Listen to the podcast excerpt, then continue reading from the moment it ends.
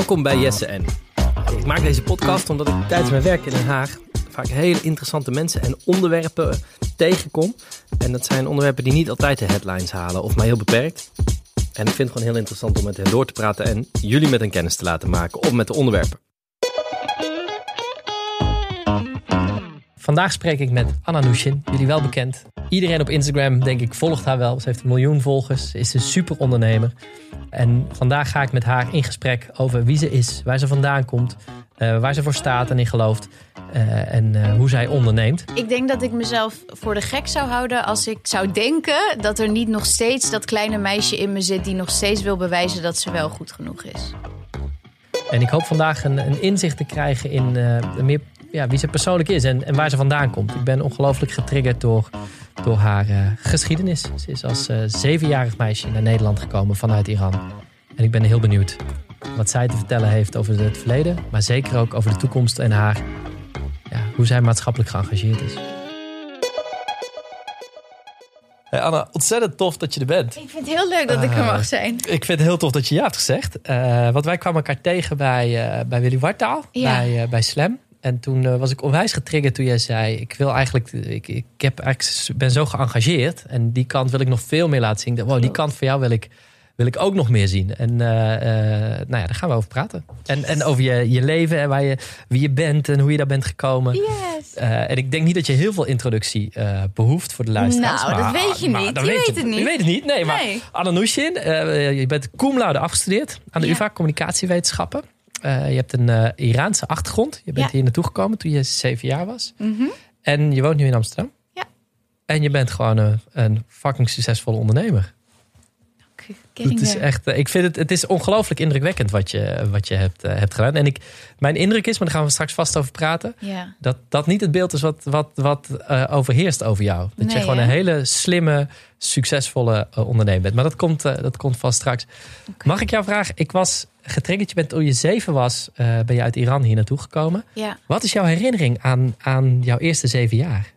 ja, dat is zo gek. Want het, het wordt best wel vaak gevraagd inderdaad... van weet je nog veel van die tijd? En ik denk altijd, ik weet niet zo heel veel van mijn zevende. Ik weet niet Nee. of jij nog veel weet van toen je zeven was. Ja, dingetjes. Dus Ja? dus, uh, ja de, de, dat ik altijd met mijn opa ging fietsen. Ja, ik van die Eh, gekke kleine ja. gedetailleerde dingen. Frietjes eten bij McRoy. Dat is zo een, een, een- de- de- dat, soort, de- dat soort kleine dingen. Maar ook dat, dat, ja, gewoon hoe het thuis rook. Of Dat heb ik het, dus eh, ook. Ja, Want ik kan dus echt, als ik dan, als ik echt moet terugdenken, dan, dan zie ik hele gedetailleerde stukjes. Dan zie ik bijvoorbeeld dat ik altijd mijn vaders pink vasthield bij het oversteken. Dat Ja. weet ik nog. En ik weet nog precies als ik mijn ogen dicht doe. Hoe mijn oma's huis van binnen eruit zag. Of in ieder geval dat denk ik dan te Ja, weten. Want ik heb geen idee of dat echt zo was. Ehm, en hoe het er rook inderdaad. Het was een soort hele zeperige geur. Heel erg heel schoon, zeepachtig. Ja. Ik weet nog gewoon hele kleine dingen, heel specifiek. Maar ik weet dus niet meer. En hoe zag dat huis? Als, we, als, we, als je neem ons eens mee, als je je ogen sluit, zeg maar, dat huis van je oma. Want daar woonde je dan. In, met, nou ja, het in? Baam was dat. Dus Baam, eh, ja. mijn, mijn moeders eh, kant komt van Baam. Daar is ook de grote aardbeving geweest. Ja. En in mijn, in mijn hoofd was het gewoon echt zo'n heel mooi, idyllisch groot. Nou, paleis was het vast niet. Maar als je klein bent, denk je Dus dat al- alles heel groot is. Maar ik weet nog. Dan zie ik zo de gang vormen dat je binnenliep. En dan kamers links, een grote woonkamer. En een keuken achter met de trap naar beneden. En door de acht, als je dan helemaal naar achter liep, dan kwam je in een grote tuin met een schommel. Maar ik heb dus geen idee, want dat is, vind ik zo mooi aan, aan, aan ons brein. Dat je gewoon nooit zal weten of dit echt zo was of niet. Maar dat is hoe ik het heb opgeslagen. Ik heb dat, ik ben denk een jaar of zes geleden terug. Wij gingen, ik ging altijd met mijn opa en oma op vakantie in Luxemburg. Ieder jaar. En dan stonden we op een camping. En dat, was, dat vond ik echt fantastisch. En in mijn herinnering was dat zo groot en zo Ja. meeslepend. En dat, dat was echt een koninkrijkje. En daar ben ik een jaar of vijf geleden teruggegaan. En dat bleek gewoon een veldje te zijn aan een, een, een, een beekje. Niet eens echt een rivier. Maar in mijn herinnering was dat ook een, een woeste rivier met een enorme boerderij erbij. Maar Ja. wat je brein doet en over hoe Ja. je positief, hè, zeker als kind, hoe je, ja, je fantasiewereld ook je echte wereld, eh, je echte wereld wordt. Dus die, die zeperige geur in Iran bij, bij oma. Mhm. Eh, leefden opa en oma allebei daar? Ze Of- leefden allebei daar. En eh, sowieso, Iraanse mensen zijn natuurlijk heel erg van familie. Dus iedereen was altijd bij elkaar. Ja. Wij waren wel echt. Maar het, het, wat ik het allerergste vind, zeg maar, aan, aan als ik nu terug zou gaan naar Iran, is dat ik ook niks meer heb om naar terug te gaan.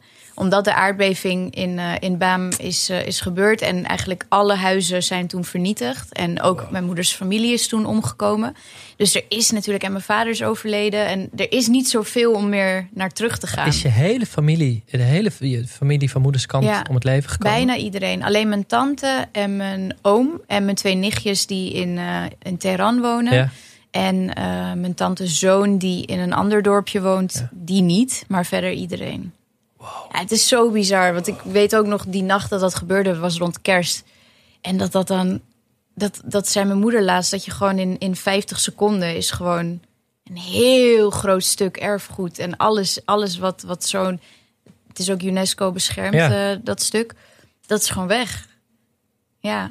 Hoe, heb, hoe hebben jij en je moeder dat, dat, hoe heb je dat verwerkt als je Ja, op zo'n afstand slecht. zit? En, en Heel slecht. Het was ook, het was ook heel naar. Het was uh, alle hoe het gebeurde was heel naar. Hoe, hoe mijn moeder, uh, mijn vader had toen een restaurant en, Ja. en mijn moeder was de chef daar en wij moesten natuurlijk altijd al- allemaal helpen. En, dus, eh, dus dit gaan we even terug weer naar je. toen naar, het gebeurde. Dus wij waren al in Nederland natuurlijk. Ja? En eh, we zaten hier al een tijdje volgens Ja. mij. Ik, ik weet niet meer exact de datum wanneer, waarop dit was, welk jaar.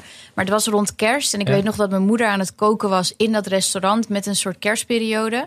En dat we in het restaurant werden gebeld. En dat ze toen het nieuws kreeg. Maar in alle shock en paniek is zij gewoon... Dus ze hoorde het, ze hing op.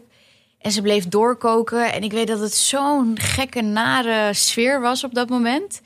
Ja, en hoe ga je... Dat heeft echt jaren geduurd voordat mijn moeder daar weer normaal mee kon omgaan. Wat zijn jullie terug geweest nog? Da, da, da- na die aardbeving? Na de aardbeving Om- zijn we om- één keer terug geweest. Dat was ook echt verschrikkelijk. Want moet je voor, ja, weet je, ik was daar sowieso nog nooit eh, sinds we weg. We zijn in ehm, de revolutie was natuurlijk in 79. Nou, mijn moeder is toen jaren later heeft ze pas besloten toen ik zeven was van nou nu ga ik echt de stap Ja. nemen, nu ga ik weg. En in die tussentijd waren wij helemaal niet terug geweest. Nee. Dus dan ga je al weg, kom je in een nieuw land, ga je daar een soort van settelen. En ik denk dat ik een jaar of 15 was of zo toen dit gebeurde. En dan ga je dus voor het eerst weer terug. Dus dan heb je en de shock van überhaupt weer teruggaan naar het land waar je vandaan komt. Maar ook nog eens de ellende van dat er niemand meer is eigenlijk om naartoe Wauw. te gaan. Ja. En, en in je puberteit, 15 jaar is Ja, ook joh, een leeftijd waarin je... Ik, ben, ik heb een hele heftige puberteit gehad in die zin dat ik was heel vatbaar voor eh, depressies en überhaupt voor mentale issues. En dat, ik vond het sowieso heel moeilijk, puber zijn. Ja? Ja, Wat was het moeilijkste om puber te zijn? ik kon gewoon mijn plek niet zo goed vinden. In, in de groep, in een klas Nou, of, of in, in het leven? In het leven. Ik vond, ik heb, en dat heb ik altijd al wel. Ik ben best wel ehm, zwaar. Ja? Dat, die neiging heb ik altijd wel gehad. Alleen in mijn puberteit weet ik nog dat ik gewoon zo erg. Alle vragen die ik nu nog steeds heb over het leven, weet je wel, van het grotere plaatje en zo, die had ik toen ook. Alleen toen kon ik ze al helemaal niet. Ik kon ze niet kaderen, ik kon ze niet relativeren. Ik had het thuis niet zo goed ook. Weet je, wij hadden niet een hele goede, ehm, harmonieuze thuissituatie. Dus ik was al heel eh, onwel wat betreft het mentale stuk. En ik- in Iran werd dat er niet veel beter op. Nee, dus dat is ook Nee. de enige herinnering die ik heb van eh, teruggaan. van die rij over hoe, eh, de- wat dat met jou deed. En hoe je Ja. daar als, als puber... De, de, de, de impact die het had op jou. Weet je daar depressiever van? Moet ik het zo Nou, ik weet wel. Kijk, Marenne is, eh, is, is nog steeds mijn, mijn allerbeste vriendin. Die, Ja. die ken ik vanaf mijn elfde. Ehm, en zij is ook echt de enige vriendin geweest die ik in die periode had. En ik heb het nog met haar er nog wel eens over. Ik was toen echt wel een goed jaar. Echt heel depressief. Dat ik, ik ging wel naar school, ik deed wat ik moest doen. Maar ik had nul energie om me normaal aan te kleden of make-up op te doen. Of weet je wel, ik was gewoon heel erg in mezelf.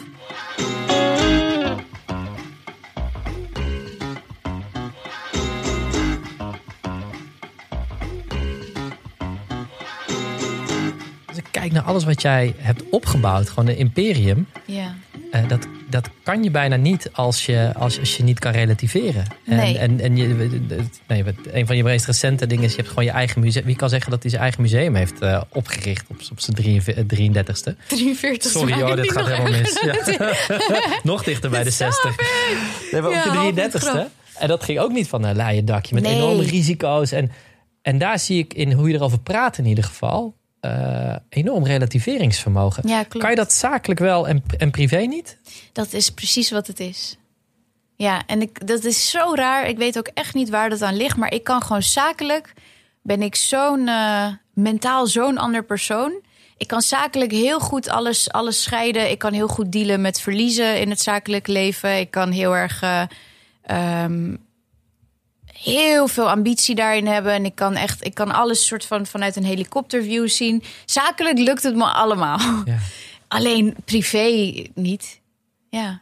En ook niet, niet altijd niet. Maar ik, ik leer wel te accepteren nu dat, het, dat dat gewoon een onderdeel is van wie ik ben. Weet je wel? Ik, heb, ik heb gewoon moeite met het woord gelukkig zijn en woordjes als happy en zo. Weet je wel? Van, ik, ik heb af en toe moeite om, om dat vanuit een soort intens Ehm, gevoel ook echt te ervaren. Wat is voor jou geluk? Nou, dat, ja, dat ben ik nog heel erg naar zoekende. Maar ik denk dat geluk, zoals ik het nu heb geleerd, ook afgelopen tien jaar. Ehm, ik kan je heel goed vertellen wat het niet voor me is. Oh ja. En het is dus eigenlijk helemaal niet materie. Het heeft niks te maken met, met geld of met materie of met successen of zo. Dat, nee. dat, uh, nee, ik, nee. De, de, de, die vragen, wat is geluk? het is raar. Het vaak de momenten dat ik erover nadenk, of waar het op mij het meeste eh, het wordt gedefinieerd, is op de momenten dat, je, dat er verlies is. Ja, dus oh, eh, als, als mijn moeder, mijn moeder is, is een, gewoon een van de belangrijkste gebeurtenissen in mijn leven, is het verlies van mijn moeder vier mm. jaar geleden nu bijna. Mm. Uh, en dat zijn van die momenten waarop je weet dat geluk niet zit in, in, in de hoeveel succes die je hebt. Ik heb net verkiezingen gewonnen. Mm. het grootste succes ooit ging hartstikke goed. Maar je moeder verliezen, dat, het, dat, dat is, het, is allemaal niet meer, het is allemaal niet meer relevant. En, ik kan daar niet eens over nadenken. Dan, eh, ik zou er alleen al die gedachten, kan ik al helemaal een soort mega paniek krijgen. Van, van, van het, verlies het verliezen van, van, je, moeder. Van je moeder. Ja. want je hebt ook je vader verloren natuurlijk. Ja. Ook nog niet zo heel lang geleden. Nee, je twee vaders eigenlijk. Want mijn moeder was, uh, die is gescheiden op een gegeven moment van mijn, van mijn echte vader. Hoe oud was je toen? Um, ik was denk ik rond de 18, 17, 18. En uh, mijn moeder heeft toen heel lang is alleen geweest. En toen kreeg ze een nieuwe partner. En daar was ze super gelukkig mee. Dus ik ben heel blij dat we dat hebben mee mogen maken. Dat ze dat weer kon ervaren. Maar hij overleed aan, aan kanker. Ging ook heel snel. En um, kort daarna mijn, mijn, mijn eigen vader.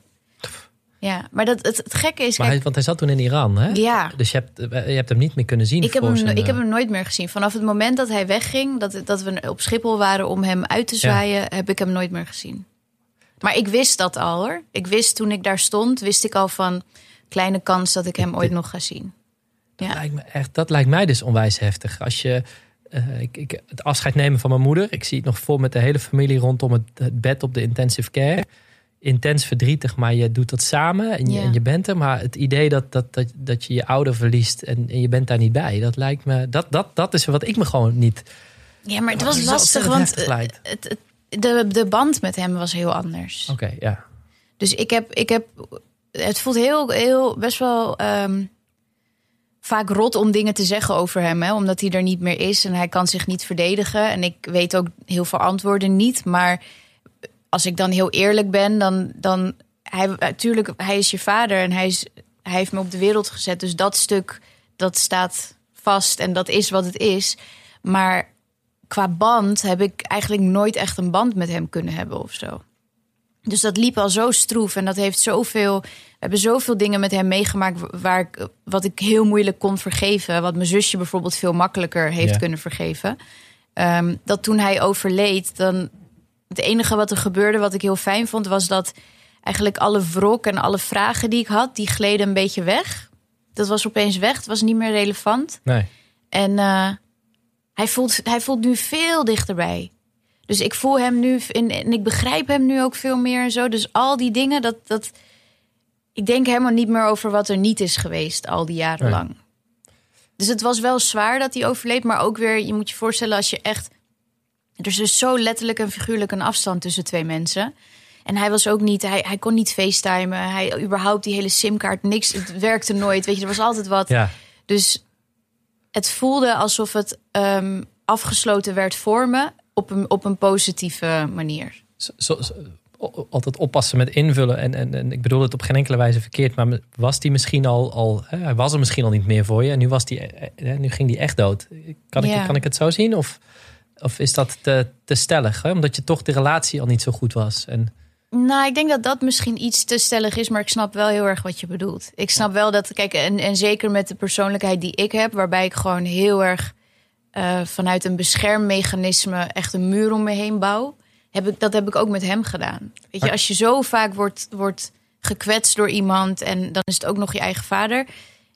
Mijn manier van dealen met mensen überhaupt die dat bij me doen, is gewoon ja, niet, niet uit je leven knippen, want dat kan ik dan weer niet. Daar ben ik dan weer niet goed in. Maar wel heel erg een muur om je, om je heen bouwen. Van wie heb je dat? Is dat automatisch gekomen of heb je dat geleerd? Nee, dat heb ik denk ik dus echt van hem geërfd, want hij was ook zo. Ja? Ja.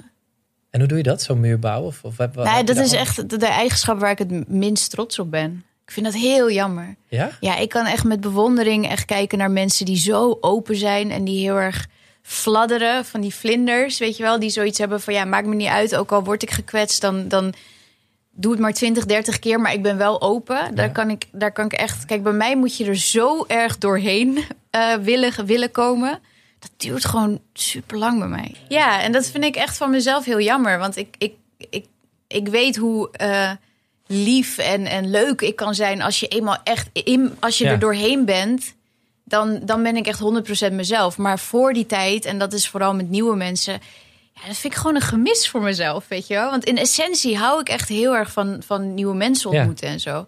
Maar ik laat het niet zo heel erg toe, omdat ik altijd een soort vooraf voor mezelf denk: oké, laat me in ieder geval mezelf beschermen voor wat er zou kunnen komen. Voor de, voor de teleurstelling die er eventueel zou kunnen komen. Ja, ja. ja. ja ik, ik, ik, misschien dat het ook wel samenhangt en dat je het ook wel nodig hebt in als, je, als je bekend bent. We zijn ongeveer even oud. We zijn ongeveer even lang, uh, denk ik, dat we. Uh, Jij ook tien jaar nu? Tien, ik ook tien jaar.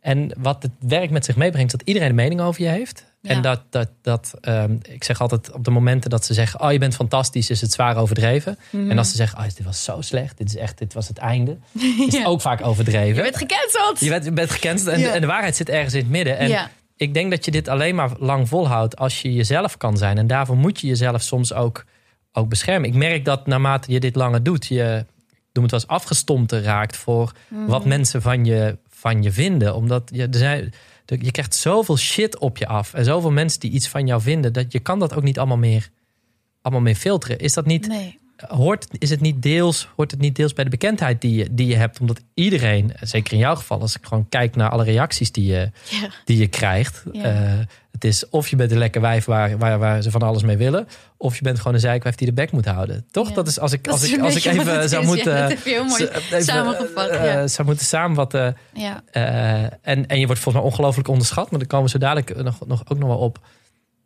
Is het niet heel logisch om dat te doen?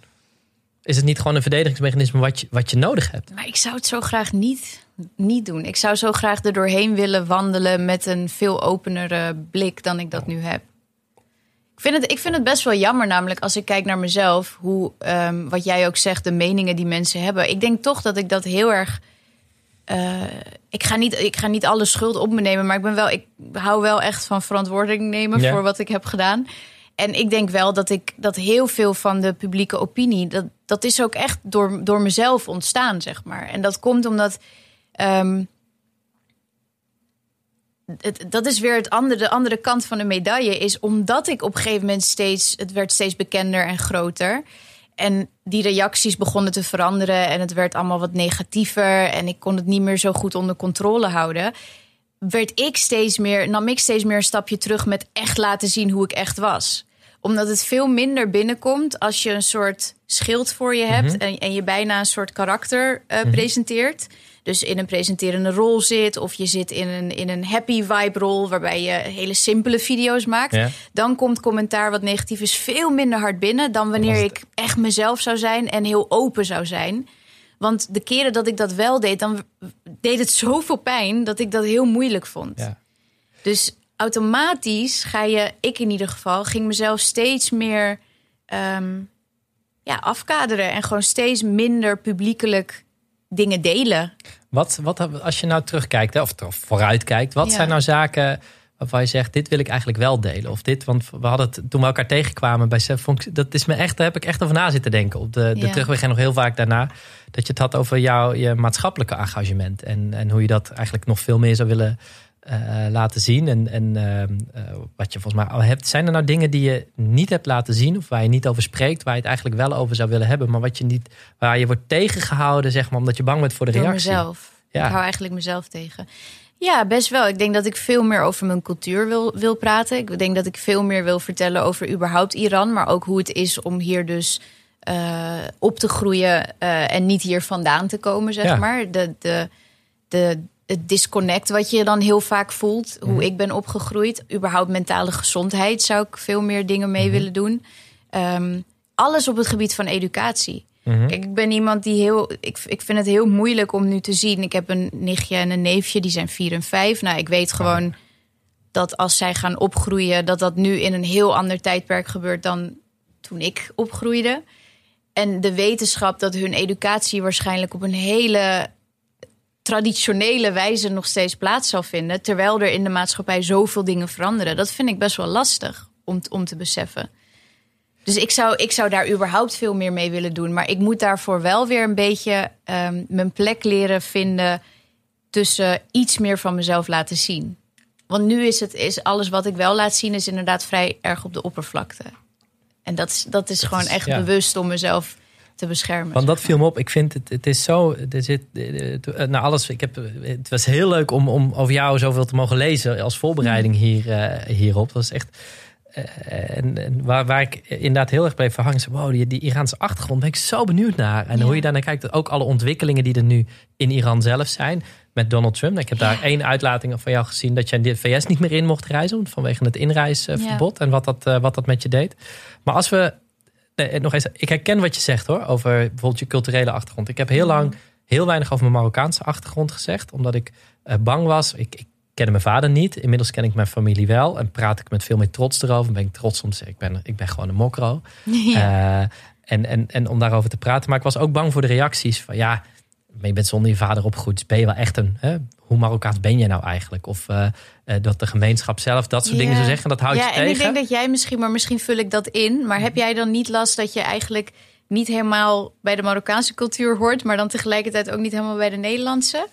Omdat je misschien te wit zou zijn voor de Marokkaanse cultuur. Ja. En dan weer tegelijkertijd misschien ben je dan net niet wit genoeg voor nou, Nederlandse. Merk je daar iets van? Nou, ik ben vooral, wat ik vooral merk is dat ik te wit ben om Marokkaans te kunnen zijn. Dus ik ben Indisch opgevoed. Bij mij ben bij mijn opa en oma opgegroeid. En, en daarmee echt helemaal in die Indische cultuur. En ik ben, heb gewoon mijn Marokkaanse roots. Maar zelfs bij ons in de partij, als het gaat over diversiteit, ja. dan, uh, dan, dan word ik altijd overgeslagen. En zeg ik, maar ik weet het niet, maar ik ben lijsttrekker met een migratieachtergrond. Zoveel zijn er daarvan niet in de. Nee, nee maar dat telt niet mee.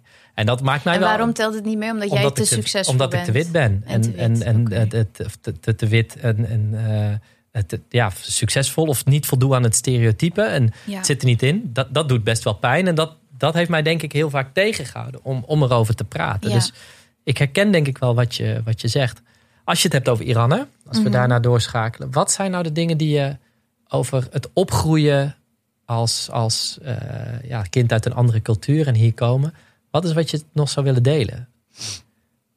Wat is iets wat je nog niet hebt gedeeld, maar waarvan je zegt... dat zou ik nou eigenlijk wel, wel willen delen. Je had over dat disconnect. En... Nou, de ironie is dat ik in mijn eerste boek vijf jaar geleden... best wel veel heb gedeeld daarover. Maar dat was misschien ook net iets te vroeg of zo. Dat was best wel... Ik was super open in dat boek en echt alles, alles omschreven... van hoe het voelde om hierheen te komen. Um, ik denk dat, dat wat voor mij heel belangrijk is... waarvan ik merk dat, dat jongeren die ik spreek... of mensen met dezelfde achtergrond... die dat best wel met elkaar delen... is gewoon toch heel erg altijd een soort bewijsdrang hebben overgehouden... aan het feit dat je niet voldeed aan alle normen... Uh, waar andere kindjes wel aan voldeden.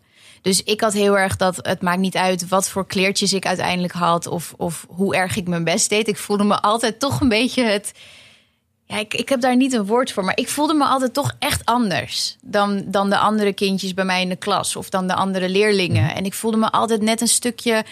Um, ik weet niet of het geaccepteerd was, maar het, het lag hem gewoon in kleine, kleine momenten die ik dan niet, die ik dan niet heb. Ik heb dit bijvoorbeeld nooit verteld, maar ik weet nog dat ik altijd. Wij woonden in Aalsmeer en dan, wij woonden dan echt in de rijtjeshuizen, zeg maar. Maar ja. in Aalsmeer heb je best wel veel grote huizen. En dat zijn dan echt van die gigantische villa's. En die zaten dan om de hoek van mijn huis. En dan ging ik altijd um, met één vriendinnetje ging ik altijd naar haar toe lopen. En dan gingen we met haar scooter gingen we naar school, naar Ja. Amstelveen. En op een dag toen ik daar kwam, zei die moeder van haar... zei zo, kom je weer gebruik maken van de diensten? En dat heeft me zo erg... Ik kan nog steeds zit dat zo erg in mijn hoofd. Want door dat soort opmerkingen voelde ik me altijd een soort derde rang of zo. Ik voelde me altijd alsof ik een soort charity case was. Alsof het net niet goed genoeg was, weet je wel. En dat heeft bij mij Oh, geresulteerd in een soort mega bewijsdrang. Dat ik altijd vanaf, vanaf het moment dat ik echt wist van... oké, ik, eh, ik begon met mijn twaalfde in een cactuskwekerij te werken. Ja. Vanaf dat moment dacht ik al van nee, ik ga gewoon niet. Dit gaat niet mijn leven zijn. Weet je, Nee. ik ga gewoon echt zorgen dat. En, en die bewijsdrang is goed als je ziet naar wat het mij heeft gebracht. Maar het is ergens ook niet een goede plek, vind ik. Om vanuit die reactie, vanuit die woede en ehm, onmacht. om daaruit je successen te willen, willen putten, zeg maar. Als je kijkt nou naar jouw motivatie, hè, in hoeverre is dat nog die boosheid over dit soort opmerkingen, die woede? En hoeveel is het intrinsiek van iets willen bouwen? Nou, ik denk iets, nu iets nieuws creëren? Ja, iets creëren, want creëren is wel mijn- Creëren, favoriete eh, bezigheid. Iets maken, Ja. iets creëren. want dat is wat ik zie. Je doet echt, echt Ja. je, doet, je doet hele vernieuwende, Oh. je doet, je doet hele vernieuwende dingen. Dus, dus Ja. hoe ziet die verhouding nu Maar als je naar ik, jezelf denk, ik kijkt? denk dat ik mezelf voor de gek zou houden als ik eh, zou denken dat, dat er niet nog steeds dat kleine meisje in me zit die nog steeds wil bewijzen dat ze wel goed genoeg is. Ja. Ik denk dat het een stuk minder is hoor. Het is, het is ze- zeker 70, 80 procent is nu echt vanuit ehm, ook de wetenschap en de kennis wat je allemaal kan doen. Hoe mooi democratisch het is dat je, dat je online zoveel kan opbouwen zonder dat je de middelen hebt. Weet je, dat, dat is ook hoe het ooit bij mij is begonnen. Maar er zit echt nog wel een heel stuk. Ja, het is gewoon een bewijsdrang die niet helemaal. ehm, die niet zorgt voor innerlijke rust. Want Nee. je zult altijd, wil ik toch een soort validatie niet eens van het publiek, maar wel gewoon vanuit mijn prestaties. Dat ik kan zeggen van, oh, zie je wel, ik kan het wel. Ik ben wel goed genoeg. Ik hoor er ook bij. Ik, ik mag ook hier meedoen. En ja, dat zit er wel nog steeds in, ja. Ja, nou ja, de, de- maar zit, zit het je nog in de weg? Want het is een hele fijne energiebron. Een hele fijne. Ik merk bij, bij- wat voor mij altijd nog steeds werkt als mensen tegen mij zeggen, maar dat kan niet. Dan, als, Ja. als je me echt hard wil laten lopen, is, Zeg, het kan is, het kan niet, of het Ja. gaat niet goed, of je lukt het niet, of je dat is de beste. De, de, Je kan mij niet meer motiveren dan of me onderschatten. Ja, je onderschatten daar- vind ik heel fijn. dat, ja, toch? Ja, als iemand me onderschat, dan ben ik echt super, super blij mee. Denk ik, oké, is goed. Denk jij, dat is, dat is top. Dan hebben ze geen verwachtingen, kan het alleen maar meevallen. All good. Maar ik vertelde daar, daar even on- onderschatten, dat vind ik leuk. Want ik vertelde een vriend van mij dat ik eh, vandaag met jou aan de podcast eh, zou zitten. Ja, En ik, eh, wat zei die? En ik vertel, met haar, maar hoezo? Waar ga je het dan waar ga je het over hebben? Ja, ik wist niet dat jij verstand had van make-up, weet je, dat, soort, eh, dat soort teksten.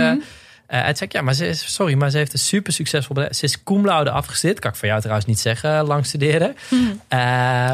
En eh, oh, oh, dat wist ik eigenlijk niet. En ik Ja. heb het idee dat het beeld wat er van jou is, als super oppervlakkig, eh, gewoon mooie foto's online zetten, klaar Ja, dat dat eh, onevenredig groot is ten opzichte van wie je echt bent. En dat, dat daarmee jouw het, het merk, en, marketing en identiteit, dat dat op de een of andere manier niet, niet matcht. nee. Niet matcht of zo. Is ook echt zo. Daar worstel ik ook echt mee nu.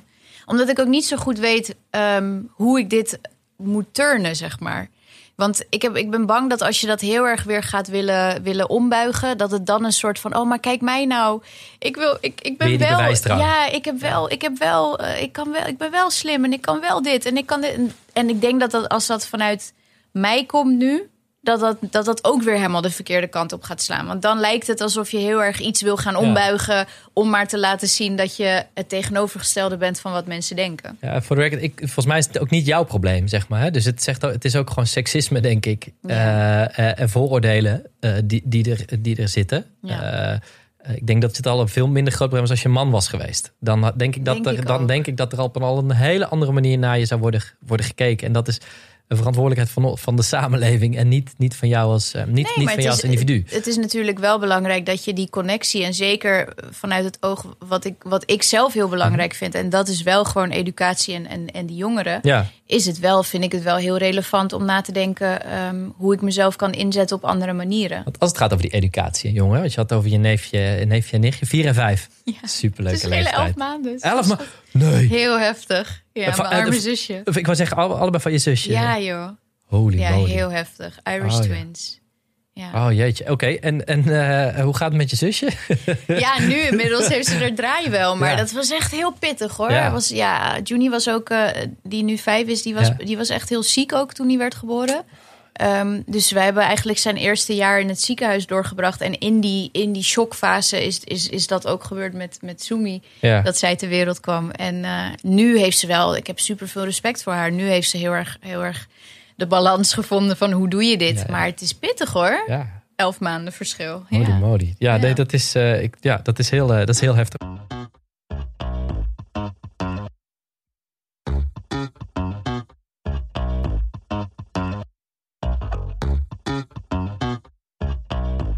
Wat zou je daarmee willen als je het hebt over jongeren iets leren en kinderen en het systeem? Want je hebt eigenlijk ook kritiek op het onderwijssysteem. Wat zou je anders willen? Ja, kritiek vind ik een groot woord. Maar het is meer als ik, in, als ik voor mezelf... Ik schrijf heel veel voor mezelf. En ik Mhm. probeer elke keer mijn gedachten te ordenen. Van oké, wat, wat valt me op en wat, wat zie ik en wat voel ik? Ehm, en ik zou graag willen, dat het gat tussen wat het traditionele onderwijssysteem is... en hoe de maatschappij ook echt is en hoe dat verandert... en hoe, hoe die snelle digitale wereld verandert...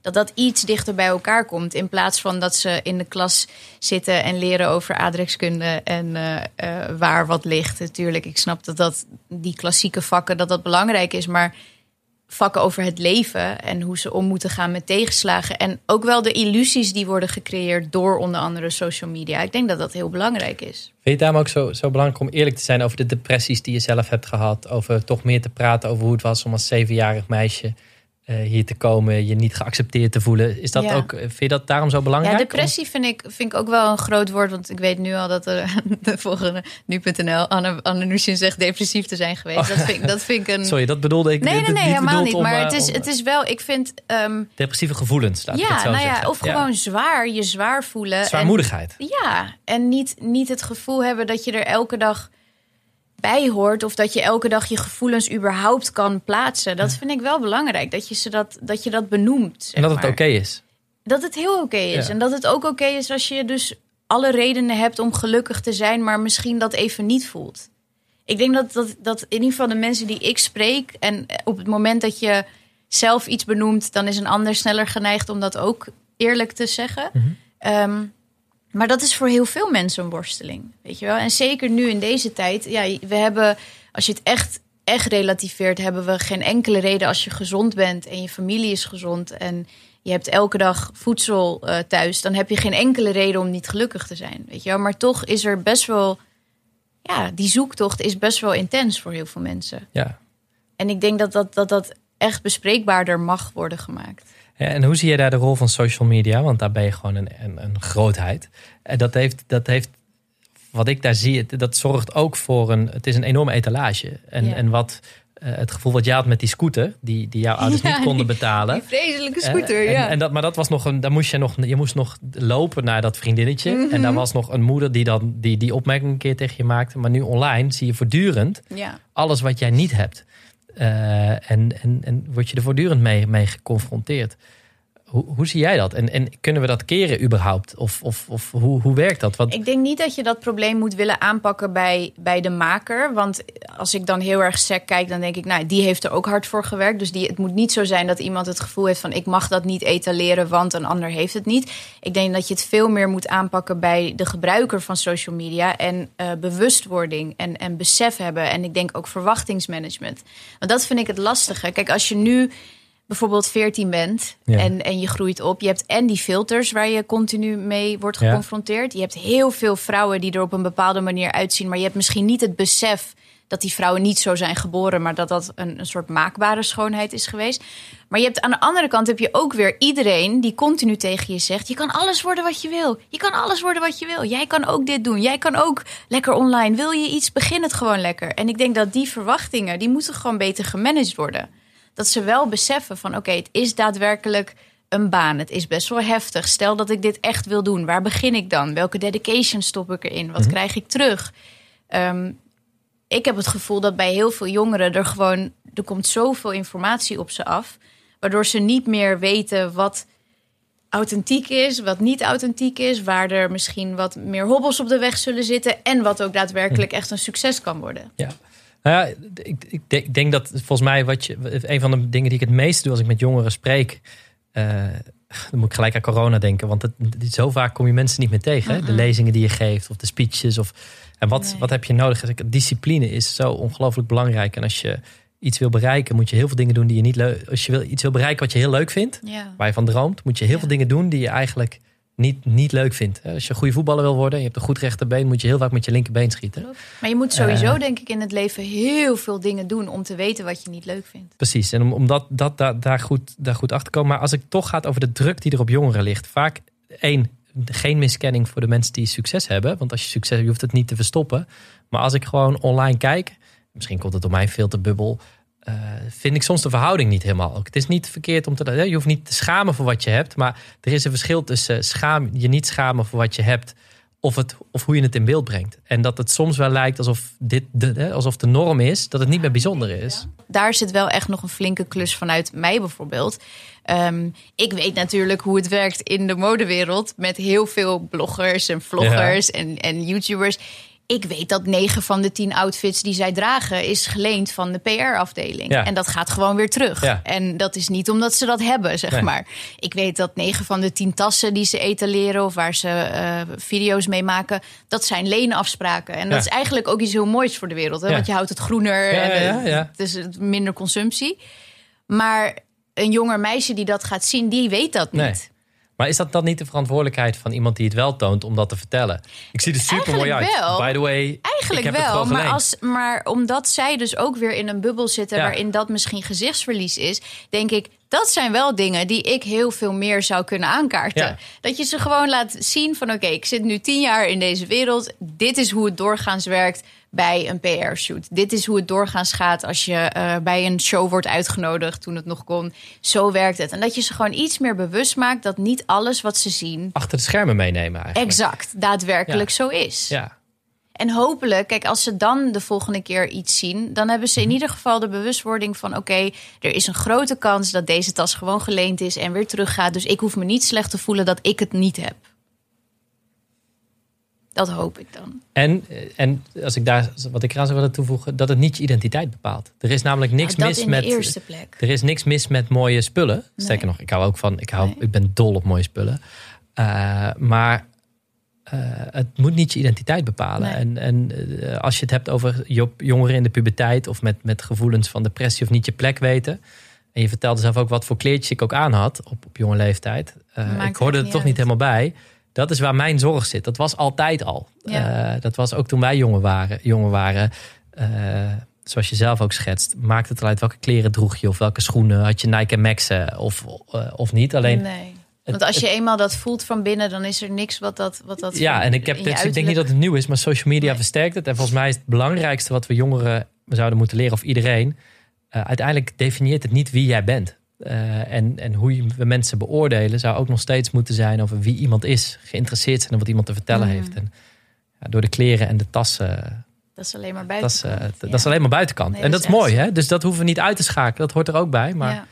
Nou ja, dat is wel een grote opgave. En ik, zie, ik heb ook nog niet helemaal hoe we daar komen. Maar het is denk ik belangrijk om kinderen vertrouwen mee te geven in, in zichzelf. Dat is hoe ik mijn eigen kinderen probeer, probeer op te voeden in ieder geval.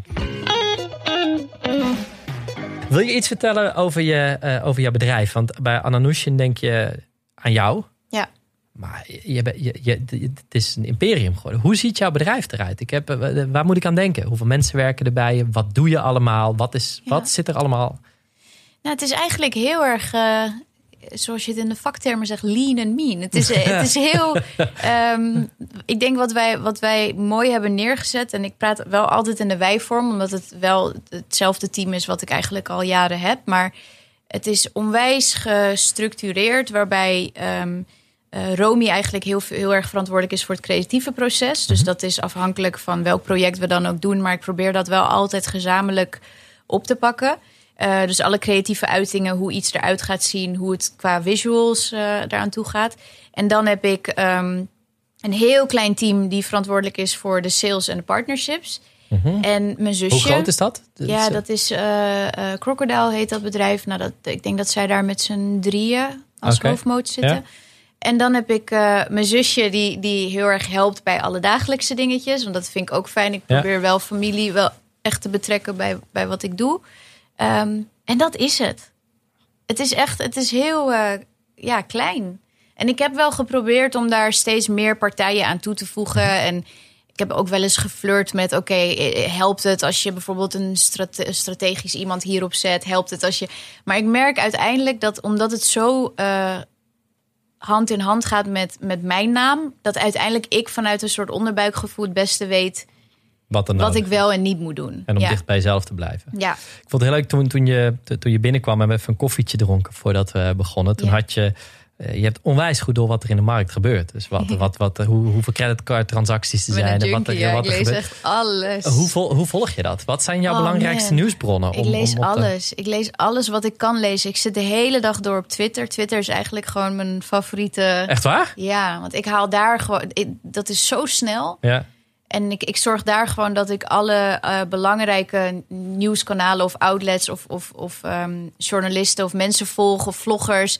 Waarvan ik weet dat ze altijd hele interessante artikelen delen. En wat, wat, wat, wat voor soort, wat, wat voor informatie lees je graag? En wat voor media, mediums? Ik, nou, media? Ik, vind, ik vind het heel fijn om te weten wat er, wat er financieel gebeurt. Maar mijn kennis is niet zo goed dat ik alles begrijp. Dus mhm. alles wat op Financial Times staat, dat, dat gaat er tot zover in. Maar dan de rest daarna, dat snap ik dan vaak niet. Maar ik wil wel gewoon weten van oké, welke markten gaan op dit moment goed? Welke, uh, uh, waar zit een stijgende lijn? Waar zit een dalende lijn?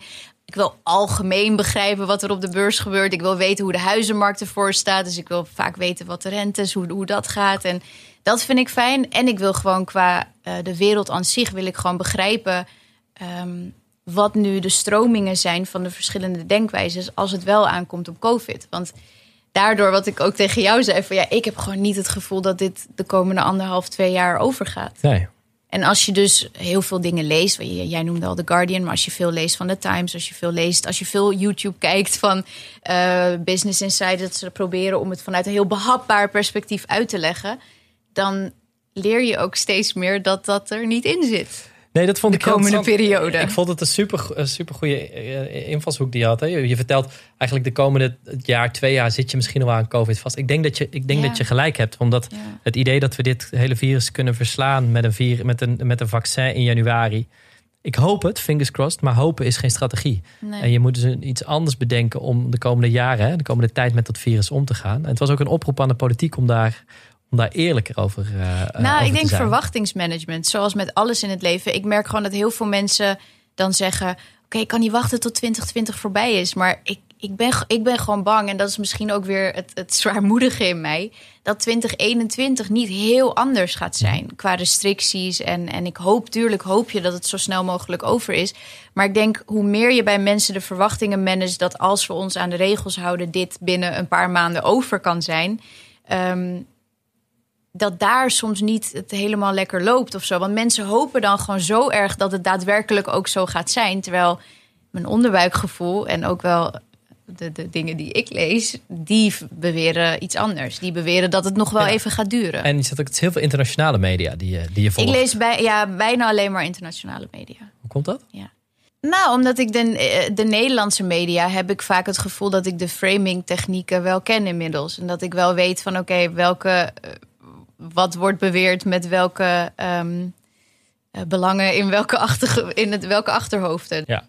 ja, ik lees ook heel veel internationale uh, media. En ik, wat ik er altijd fijn aan vind is, is wat je vaak ziet. Maar ik vind dat Nederlandse kranten beginnen het ook wel steeds meer te doen. En de correspondent deed het al. Vaak iets meer uitzoomen. En er is iets meer ruimte voor grotere achtergrondartikelen. Of iets meer, ja. iets meer de breedte in. En niet alleen het harde nieuws. Want het harde nieuws, dat, dat, dat, dat, heeft, ja, dat kan je overal lezen. Eh, maar het geeft een iets breder, uh, breder perspectief. Over COVID trouwens, maar daar ben ik ook benieuwd hoe jij je rol ziet als influencer. Mm. Ik maak me wel zorgen over de desinformatie over COVID. En, en uh, debat moeten kunnen zijn. En uh, dat, sterker nog, dat, dat, daar geloof ik in. Ik ben een democraat. Alleen als je ziet wat voor desinformatie er soms wordt verspreid. En bedoel je dan dat jongeren er niet in geloven? Of als je... wordt gewoon wordt beweerd dat dit uh, door de overheid, hè, dat de overheid dit verzint. Ja. Dat, uh, dat er chips worden geïmplanteerd met het, ja. met het vaccin. Ja. Dat het eigenlijk helemaal niet waar is wat er gebeurt. Er is allerlei kritiek op de testen, kan je hebben hoor. Want, want een test stelt vast of je het hebt. Maar daarmee weten we nog niet of iemand besmettelijk is. Hè. Soms kan je het in zo'n lichte mate hebben. Dat vind ik allemaal hele terechte kritiek. Maar als je zegt de testen zijn onbetrouwbaar, dat is weer. Dat is een wetenschappelijke bewering mm. waar geen wetenschap. Hè? Dus snap je wat, wat ik, wat, ik jij hoort op straat ook? Of is dit, is dit puur Vooral wat je. online. Wat, dus wat ik ook op straat hoor je het wel. Maar vooral ook online. En, en het debat lijkt soms, wat ik juist wil, is, is een heel scherp en kritisch debat. Bijvoorbeeld mm. over die testen. Daar, is een, mm. daar gaat een wereld achter schuil over wat, wat test je nou precies. Willen we per se weten of jij het virus in je bloed hebt? Is dat relevant? Uh, of willen we weten of jij besmettelijk bent? Dat is, een, dat is een andere manier. Willen we weten of je het wel hebt of dat je het niet hebt? Belangrijkste is we weten, als je het niet hebt, kan je bijvoorbeeld weer gewoon deelnemen aan de samen. Nou dat zijn interessante vragen waar ik het gevoel heb dat er weinig ruimte voor de discussie is. En soms lijkt het zo gepolariseerd, namelijk of je bent voor het gebruik van PCR-testen of je hebt de kritiek op. Terwijl het interessante spectrum, of je gelooft er niet in, terwijl het interessante veld zit, zit daartussen. Ja. Namelijk met alle mitsen en maren die eraan zitten. En dat debat, dat, dat, en dat merk je vooral bij de jongere generatie. Ja, ja dat vind ik echt. En dat ja, zie je, dat ook niet bij veel ouderen die ook eh, best wel zoiets hebben van nou ik denk dat je het eigenlijk om, om iets zijn door alle generaties ja. daarheen ziet. Dat, dat, denk ik dat, ook dat het niet alleen voor, voor jongens. Ik zie het gewoon wel alleen online voorbij komen. In, in uh, over leefstijl, uh, lifestyle. We weten dat een hoog BMI, dus mensen met overgewicht, uh, dat het een groter risico is om, om COVID te krijgen. Hmm. Dus ja, als mensen die zeggen we moeten meer aandacht hebben voor, voor de leefstijl van mensen en, en gezonde leven, dat is absoluut waar. Maar ik vind het vaak dat het in zulke extreme wordt getrokken. Dat je dan zegt, als we dat doen, dan hebben we geen problemen met het virus. Dat is ook, dat, dat is ook, en het is, ook, lastig natuurlijk, omdat we als wereld nog nooit zoiets hebben meegemaakt. Überhaupt, toch? Dit is op nou, deze schaal niet in onze, niet in onze, pandemie. Niet onze, generatie en de generatie voor ons ook niet. Nee. nee, dus ik denk dat... En, en ik denk dat het ook, ook weer heel veel te maken heeft met verwachtingen. Kijk, wij zijn natuurlijk een hele verwende generatie. Als je, als je kijkt naar uh, alle generaties voor ons die de Eerste Wereldoorlog meegemaakt hebben, de Tweede Wereldoorlog, de pest, die hebben allemaal ellende gehad. Waardoor ze het misschien ook helemaal niet zo als vanzelfsprekend vonden dat ze zoveel vrijheden hadden. En ik denk dat wij, als je in Nederland het geluk hebt, of, of überhaupt in een land waar je je vrij kan bewegen en waar je kan reizen en je hebt educatie, je kan alles doen, dan voelt het natuurlijk echt alsof je het recht hebt op forever dit. Ja. En, en alles wat daartussen komt, voelt natuurlijk als een soort beslaglegging op jouw vrijheid. Terwijl dat helemaal geen gegeven is. Hè, als je daar heel sec over nadenkt. Dus ik denk dat daar uh, vooral heel veel ontevredenheid op gebaseerd is. Dat mensen het gevoel hebben dat gewoon alles van ze wordt afgenomen op dit moment. Ja, en dat snap ik. En dat is ook wel een beetje zo natuurlijk. En dat snap ik wel. Ik weet wat ik het tricky aan vind, of waar, waar mijn zorg zit, is dat mensen de, dat, dat feit en fabel door elkaar, door elkaar lopen. Hebben jullie ideeën hoe je dat, hoe je dat gaat aanpakken? Ja, uiteindelijk denk ik dat ik geloof.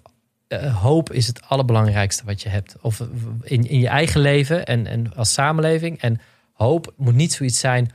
Ooit wordt het beter. Het moet hoop moet iets zijn wat je echt kunt geloven. En uh, moet daar maar eigenlijk heel concreet zijn. En uh, ik geloof in een testsamenleving. En dat betekent dat je volgens mij de hoop is dat we een manier met elkaar vinden. We zijn super innovatief. Dat je een manier vindt dat ook al is het virus dat je toch het normale leven met elkaar kan laten doorgaan. En ik denk dat testen daar een cruciale rol in spelen. Dat je elkaar zoveel moet gaan testen. Dat gaat over 500.000 tests tot een miljoen tests per dag. Mhm.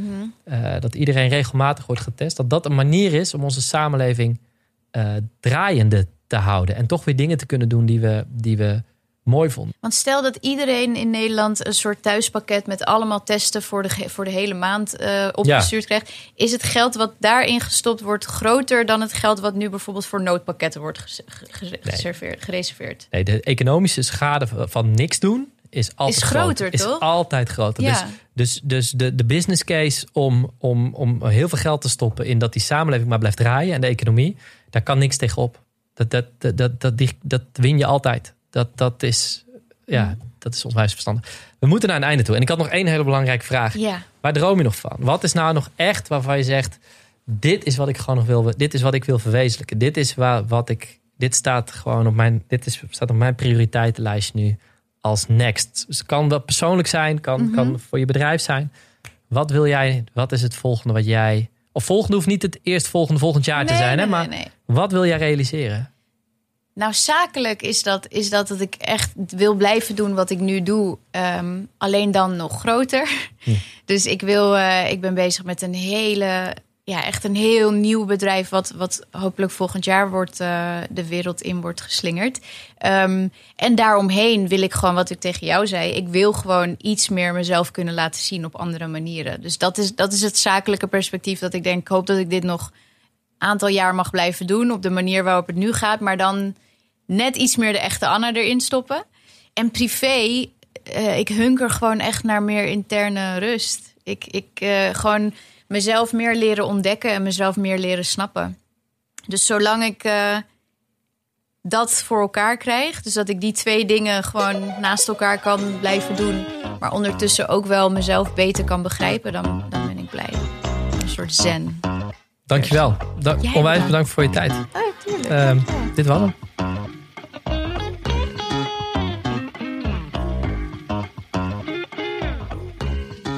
Dit was het gesprek met Ananushin. Ik vond het onwijs interessant om te zien hoe zo'n sterk iemand ook haar kwetsbaarheden durft te laten zien.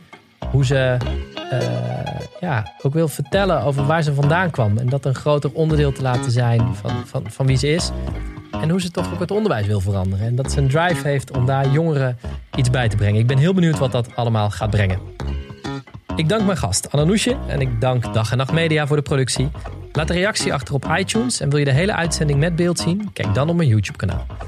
Abonneer je op deze podcast in je favoriete podcast-app, zodat je geen enkele aflevering mist. Dit was Jesse en tot de volgende.